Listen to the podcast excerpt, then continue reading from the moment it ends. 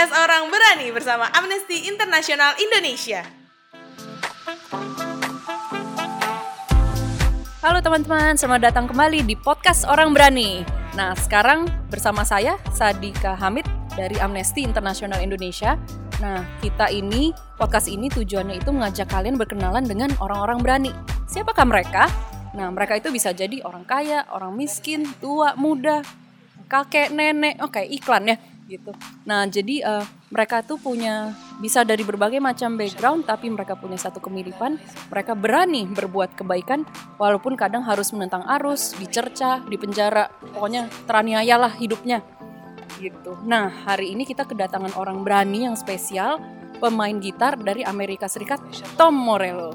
Nah, dia ini musisi yang sangat produktif, membentuk banyak band dan juga punya banyak solo projects. Nah, tapi dia itu paling dikenal sebagai anggota band rap rock legendaris Rage Against the Machine.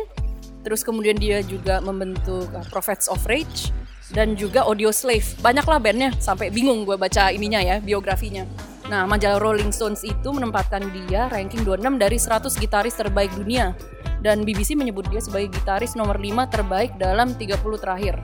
Wow banget ya karirnya ya. Nah, di negara asalnya ini, Tom itu juga sangat dikenal sebagai aktivis Nah dia itu punya proyek solo.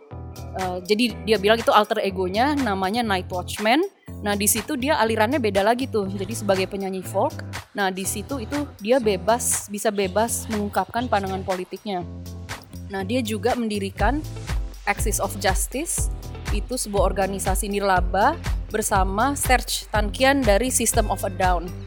Nah, jadi itu tujuannya untuk menyatukan musisi dan pecinta musik dengan organisasi politik. Nah, bersama EOG ini Tom sering kolaborasi dengan Amnesty International yang di Amerika Serikat. Nah, salah satunya tuh dia pernah membuat cover lagu The Killers yang judulnya Human untuk kampanye anti penyiksaan pada 2009. Nah, beberapa hari ini Tom lagi mampir ke Indonesia untuk menghadiri festival musik musik lintas gen genre Hodgepodge di Ancol. Nah, tapi dia di setengah kesibukannya itu menyempatkan waktu untuk bertemu dengan kalangan aktivis. Nah, sekarang langsung kita ngobrol-ngobrol ya dengan Tom. Hello Tom, how are you? Nice to have you here. I'm well, thank you very much for having me. Yeah, so okay, welcome to Indonesia. So, is this your first time here? It is my first time in Indonesia, and it is a, a pleasure to be here. It's a, a, country that I've wanted to play in for a long time because fans have been so um, uh, demanding that we play here for a very, very long time. So, I'm glad we're finally able to do it. Yes, because a lot of fans they have they have learned, you know, about you know leftist books sure. from you especially when you know during the new order era when freedom of expression was repressed so they learn mm. they learn more from you than maybe from you know the local you know local sure. sources sure i understand so, i mean that was that, mm -hmm. that, was very much the case for me as well and, and learning okay. from groups like public enemy and the clash okay. um, who provide an alternative source of news and inspiration so if -hmm. rage against the machine or my work has been able to do that for people in indonesia that makes me very happy okay Great. So uh, you have met. Uh, you just arrived here, but you already have like quite a packed schedule. So uh, and recently you just met. You know, you just arrived and you met with activists, local activists. So maybe can you, you know, uh, tell us a bit more about you know your sure. first impressions and sure. what did you talk about them if it's not a sure. secret it's not it's not a secret no I, I was very happy to meet with local activists uh, yes. from Amnesty International to uh, union workers to some musicians and yes, some yes. different organizations mm-hmm. LGBTQ organizations mm-hmm. um, my my connection with them is is an American by the name of Jim Keady um, he was very active in the anti sweatshop movement in the United States and actually moved to Indonesia to try to work in the Nike factories um, and ended up living with people, who, the factory workers. Uh, he and I worked together for years. Uh, uh, Rage Against the Machine used to do like a monthly um, Freedom Fighter of the Month award. Jim was the recipient of that award for his work in Indonesia. We became friends, and he later ran my nonprofit organization, Axis of Justice. So that was, and so his tales of Indonesia have made me want to travel here and meet the brave workers and activists who have been part of trying to transform the country. So it's very, very exciting to be here. And to meet some of them today, as well as the younger generation, uh, was very inspiring to me. Okay, so what was, uh, you know, during what was said during this, the discussion, is that something, you know, notable that Sure. you remember? yeah, it was it was a very wide ranging discussion, and, and and for me, it was good to sort of learn some of their stories. And there was one man, I think, of German background, who was a diver, like a like a deep sea diver, um, and his diving had brought him in contact to illegal. Chinese mining of some small island. Then he devoted his life to stopping and was successful with the help of you know many others. Um, and you know, I get to hear the stories of, of there was a musician who has also you know uh, tried to speak truth to power and and espouse social justice movements through their music, and a dozen or so other activists uh, who shared their stories. And it's a reminder to me that the way that the world changes is not from brilliant presidents or or fantastic laws being passed. It's average, everyday people standing up in their place and time for what's right. And the genesis of all progressive, radical, or even revolutionary change has come from people who have no more power, courage, creativity, money, or intelligence than anyone listening to this right now. That's how the world changes. It's you that change it. And that's the, you know, that's been sort of a central theme of my work is that the audience are the agents of history who can transform their homes, their schools, their place of work, their country, and the world. Okay, so uh, you have uh, always known to be, you know, you always want to be close to the ground, even though you're touring, you know, during your last tour, you would, you know, spend, you know, a day or two volunteering, you know. So it's not just, you know, usually artists, they just, I don't know, but a lot of them just give proceeds from, you know, Sure, from their sure, music sales, sure. you know, to Yeah, the charity. sure. But Which is a good are- thing as well. Yeah, yeah, yeah. It is a good Yeah, thing yeah. as well, but you are you take a step beyond that. Sure. Well, know. I come from an act. I mean, I've always self-identified as an activist. Uh, I started my, Mm-hmm. Okay. Mm-hmm. my political activism and my guitar playing started around the same time. I started Okay. playing guitar at 17. And I and I f- formed an underground newspaper at my high school at 16. So it was around. wow, quite it was sort of young, it was sort of like the dual passions were to. Um, I always really thought of you know from the time I was a teenager, I I identified as a revolutionary. Mm-hmm. Um, and at the time that when I was 17 years old, they were they were thinking about reinstituting the draft in the United States Okay. because there was the troubles in central, like there was Sandinista Nicaragua in America. Reagan was going to invade, and to me, I thought like there's the there's the real chance that I will be drafted to fight in the army against a cause that I believe in. And so at the time, the issue was very very important to me was uh, South Africa and apartheid. Okay. Uh, and so I wrote a letter. Nelson Mandela was in jail, but I forget the name of the person who was in charge of the ANC who running. And I wrote him a letter saying, if I get drafted for the United States Army, I'm not going to go. I'm going to move to South Africa and volunteer to fight with the ANC Mm-hmm. yeah, yeah, against yeah. racist South Africa. So it was like from the time I was a kid, it was very, very important to me to be involved in changing the world, not just Mm-hmm. playing music and giving money away. So uh, yeah, if we go back a little bit, what makes you become a revolutionary? So what what does it come from? Is it your upbringing or what makes you? What drives you I think to it has. I think it's two things. One is definitely some of it is in the DNA. Um, my great uncle was Jomo Kenyatta, who was who led Kenya's independence struggle against um, Great Britain, and my father was involved in the independence struggle as well. Um, I didn't know my dad growing up, but but certainly that the knowledge of that anti-colonial history was strong in my family. My mom is a much more radical person, leftist radical than I am. You know, I'm. I'm- I, Wow. I, I, I always, I always, I always tell, I always tell people that I'm the second most popular one in the family and the second most radical one in the family. So it really is Mary Morello who, yeah, yeah, who yeah. raised. She was a you know a Irish Italian white lady who raised a black kid in a conservative town Okay. with this radical politics in her that is really you know that's certainly part of my DNA. I believe though that my politicization didn't happen from Mm-hmm. my parents. okay. It happened from the playground. As the Oh, wow. as the Okay. only black kid in an all white town, I met racism at a very very young age, and the feeling of this kind of injustice and like like how could people be so hateful and so wrong based on the color of like it just was it made me indignant um, and that really was the beginning of that fueled my fire my mom taught me at a at a tiny at four or five years old about malcolm x and martin luther king and the black panthers and those were really a part of my my youngest childhood memories were learning about racism firsthand and, and hearing about fighting against it. Oh wow. So uh, and then how do you you know how do you find the courage you know as a you know maybe a lot of people consider you as you know minority because of your skin. So, but how do you fight? Do you find the courage, you know, to fight against the the haters? Yeah. Yeah. You know, I mean, a lot of it is, is mm-hmm. historical example. You know, for me, like a lot of people complain, like you're a guitar player, so you should Yes, just you should just play music. Well, mm-hmm. to me, like like my heroes have been. You know, radicals and revolutionaries who c- could care less about what someone thinks about someone. Like to me, it doesn't even. Yeah, yeah, first, yeah, first yeah, of all, yeah. I believe very strongly in the you know the First Amendment and freedom of speech. And just because you pick up a guitar does not mean you relinquish your right to an opinion and expressing it. Um, but then, secondly, like if your your heroes have been people who have been actively involved in changing the world, like you've like that's that's I've look I look at my music as almost like missionary work in a oh, way. Oh, wow. You know, Okay. it's like missionary Wow, work. Oh, it's like okay. it's like it's like first of all, you have to be a great.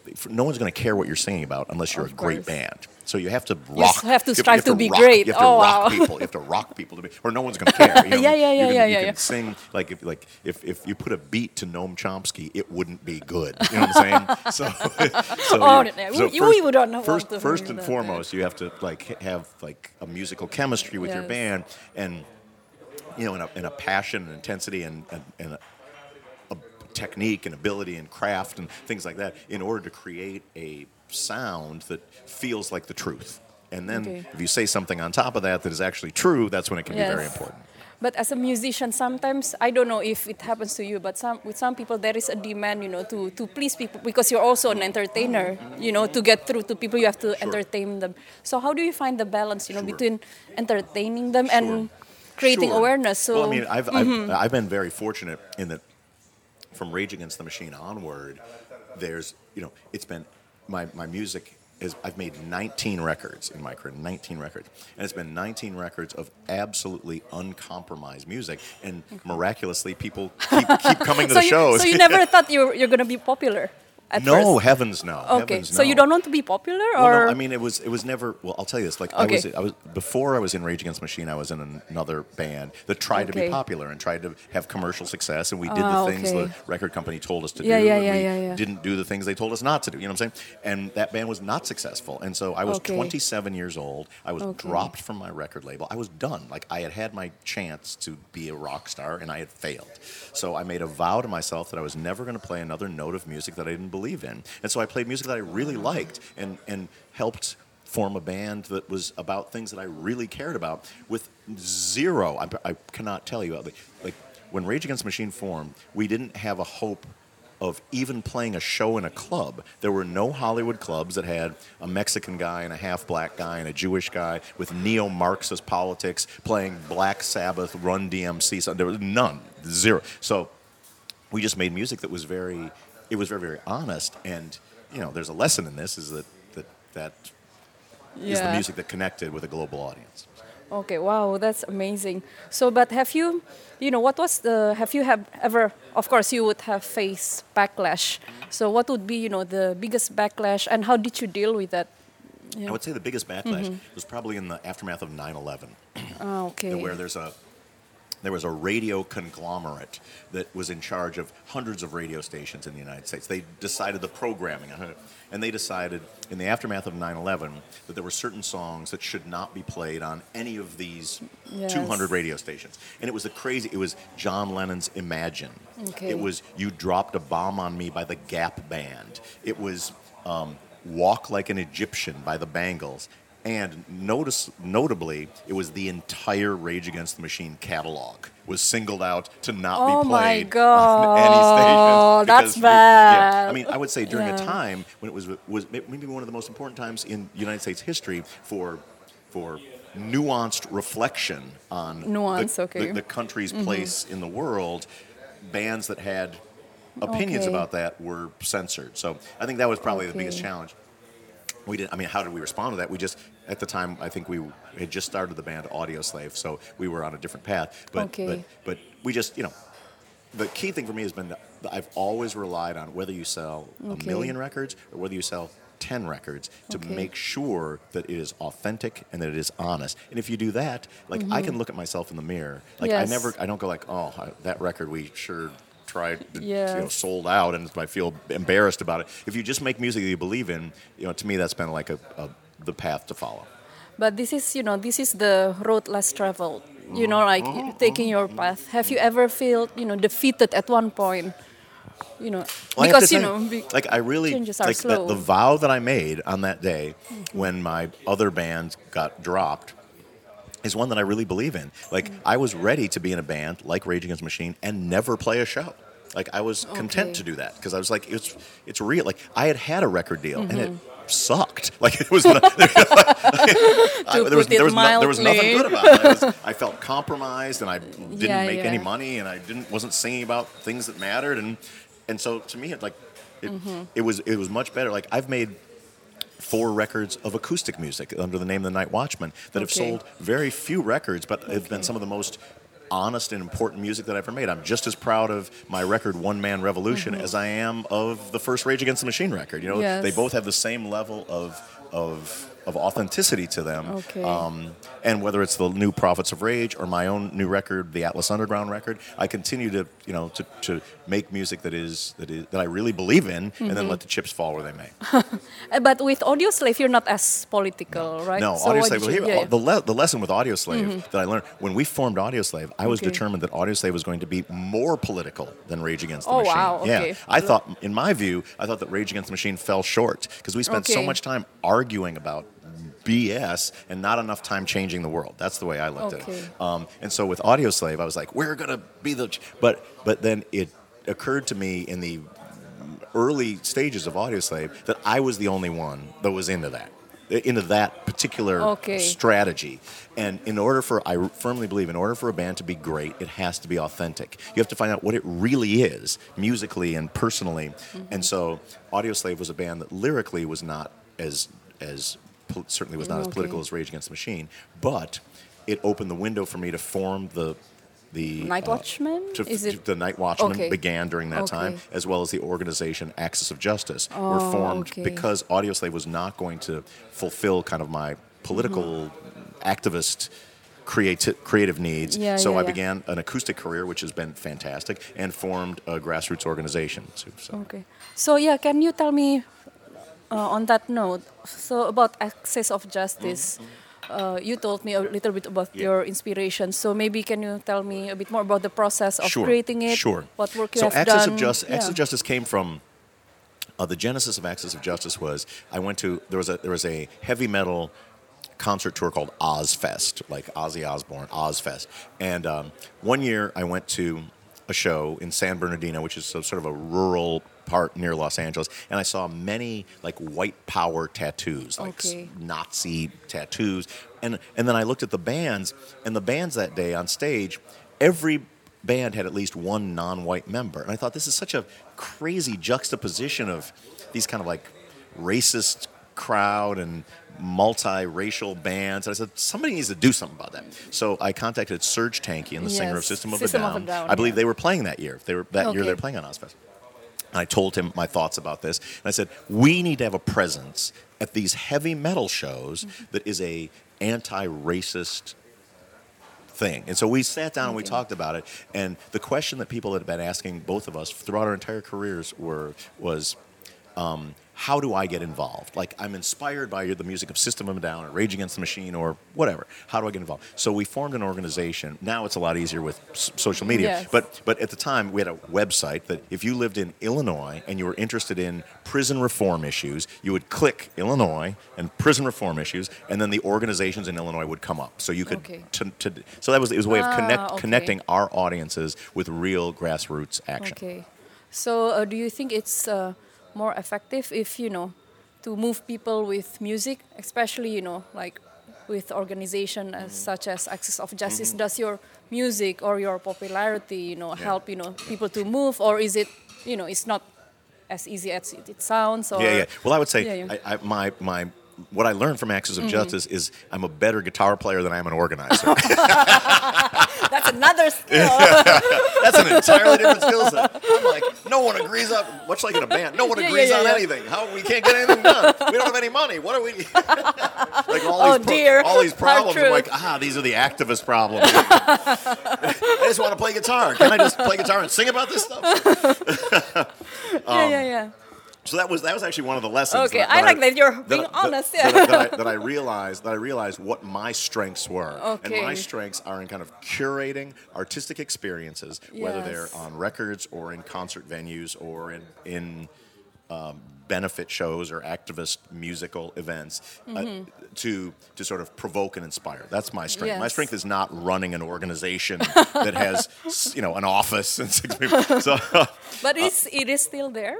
Axis of Justice now it is Okay. now no, how it exists now is we we do like tours that will Okay. be that will benefit particular causes in particular cities where then the Okay. musicians play the tour but then are also involved in each city in the work of the organization that the show benefits. Uh, So it you know what I'm plays more to your strength. That's correct. That's oh, correct. Yeah, yeah, yeah. You yeah, find yeah. your We don't have an office anymore. We used to have an office, and uh, it, didn't, that Okay. didn't work so well.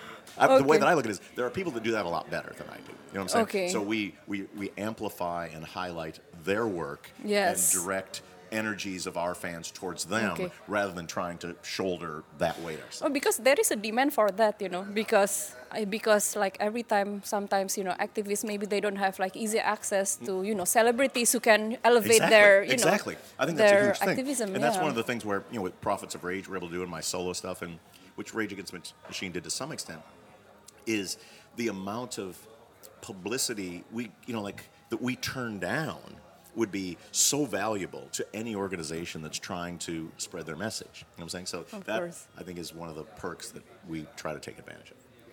Okay, speaking of collaboration, you have collaborated a lot with Amnesty International in the U.S. Mm, Yes, yes. Yes, so maybe can you tell us a bit more, like Sure, the work sure. you did with them? How did you first get involved Am- with Amnesty them? International, um, I became aware of during the Amnesty International concert tours in the 80s.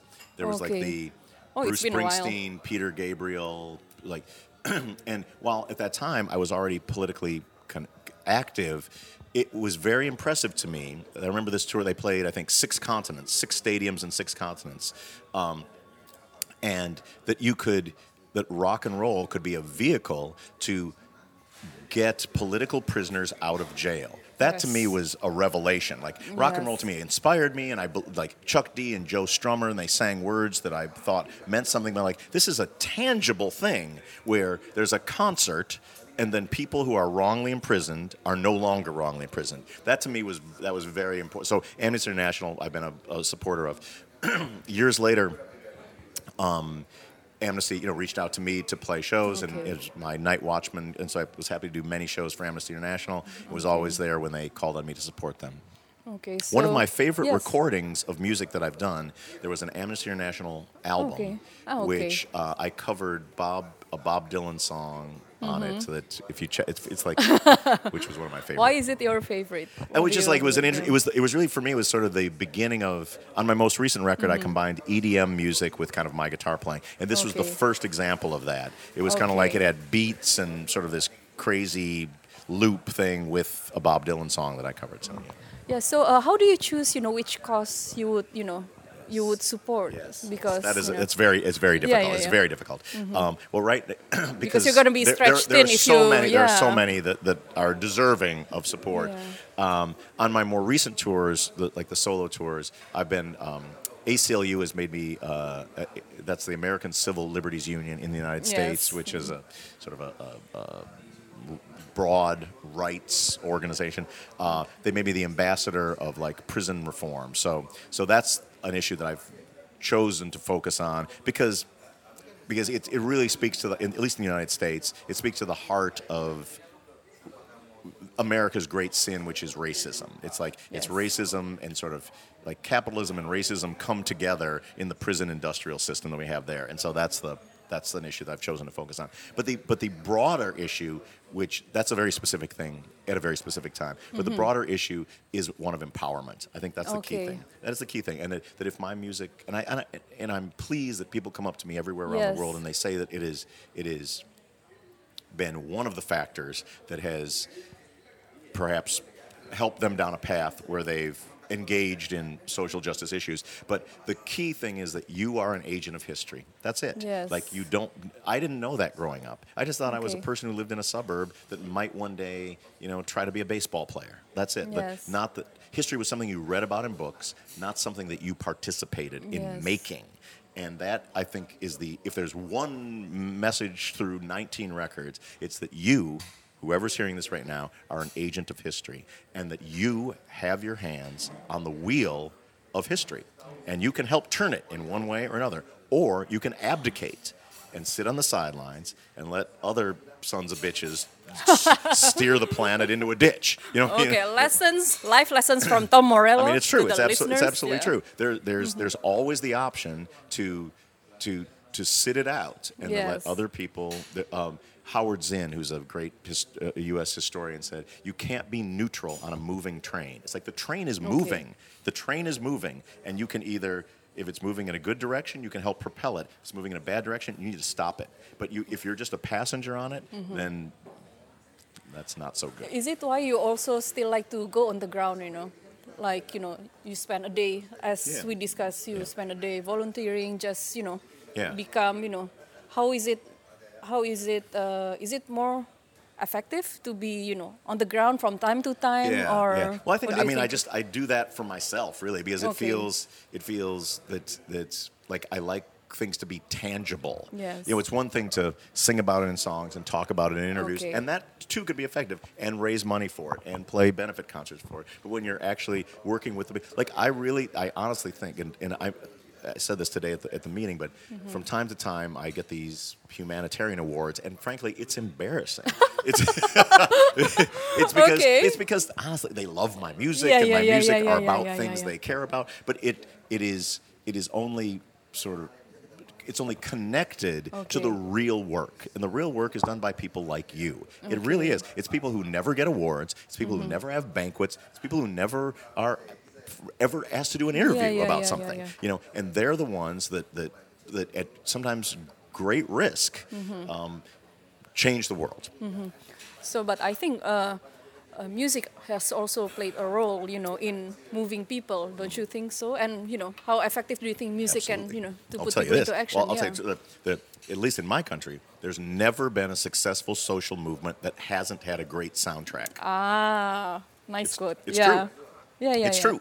It's true. It's true. I mean, from the Civil War to the Civil Rights Movement to the you know the uh, anti-Vietnam War movement to the anti-Iraq War movement, like like like there's something in the combination of rhythm and rhyme that that feels like music predates language. You know, beats and you know, and there's something that feels like the truth deep inside us when you get that stuff right. And um, but then also music. People say, you know, like, can music change the world? Well, music changed my world. And Mm-hmm. Oh, okay. Mm-hmm. anything I've ever done that has impacted anyone's life or Yes. any issue was in part because of music Okay. and the way that that that, that the activist music of the Yes. Clash and Public Enemy made me think Okay. that I could make a difference in the world, that I was an agent of history. Okay. So yeah, now uh, you know we are facing the world that is getting more divisive. So yeah, politicians you know wager you know power on narrative of fear and you know disunity, you know blaming the marginalized people. Yes, So how do you think you know progressive artists such as yourself you know can uh, and civil society movement you know across the world can build you know resistance against those Yeah. demonization you know. Well, I think you've accurately identified the problem. Yes. Is, is it's you know blaming the victims. Yes. You know, which is which, which is a very successful tactic and of a racist tactic that is being employed across the globe. And I think a very important thing in fighting back is understanding the root cause. And in the United States, at least, it's very elusive because, in my view, the root cause is Clinton, Bush, Obama, that, that, that there's been this funneling of the world's resources to the top 0.001% that, that liberal, conservative have all been engaged in that has abandoned the working class. And now, when you're a white, you know, working farmer, coal miner, factory worker, and you see that your children are in danger of a, having a sad economic future and a racist demagogue comes along and gives you an easy answer, the problem is the Mexicans. Yes, the problem is the exactly. Muslims. It's a very it's an it's an easy it's like oh yeah it sure is the it, it, it, it takes a much more kind of nuanced understanding of economics to realize that's not the problem at all. You and the Muslims and the Mexicans are all on the same side here. But as long but as but as but as long Yeah, as yeah, those yeah, yeah. politicians can keep us divided, then and and, it, and unfortunately it's a successful tactic that when people see it work in one they see it work with Brexit, they see it work Yes. with Trump, they see it work in Brazil that is a tactic for by It's using racist well. Mm-hmm. racist racist dogma to continue to enrich the oligarchies in the, in this country at the expense of not just people but of the planet and we're at a historical crossroads of whether, whether the planet will survive or not and the only thing that's going to change it is you so please help us i'm a guitar player you guys need to figure this out Listen up, guys. okay, thank you so much. Enjoy the rest of your i stay in appreciate it thank you so much Okay. cheers Oke, terima kasih banyak sudah mendengarkan siaran ini. Buat yang punya ide, saran, atau kritik untuk podcast Orang Berani, yuk langsung kontak kami, kirim pesan di Instagram kami, at Amnesty Indonesia, ada Twitter, at Amnesty Indo, ada Facebook, at Amnesty Indonesia, dan Line, at AII Indonesia. Jadi nggak ada alasan untuk nggak kirim pesannya, soalnya banyak banget tuh ya akun sosmednya Amnesty. Jangan lupa untuk tetap mendukung komitmen 9 agenda HAM Amnesty International Indonesia di bit.ly slash komitmen 9 agenda HAM untuk membantu menyampaikan ke Presiden dan Parlemen terpilih bahwa masih banyak pekerjaan rumah di bidang HAM yang harus diselesaikan. Sampai jumpa teman-teman di episode berikutnya.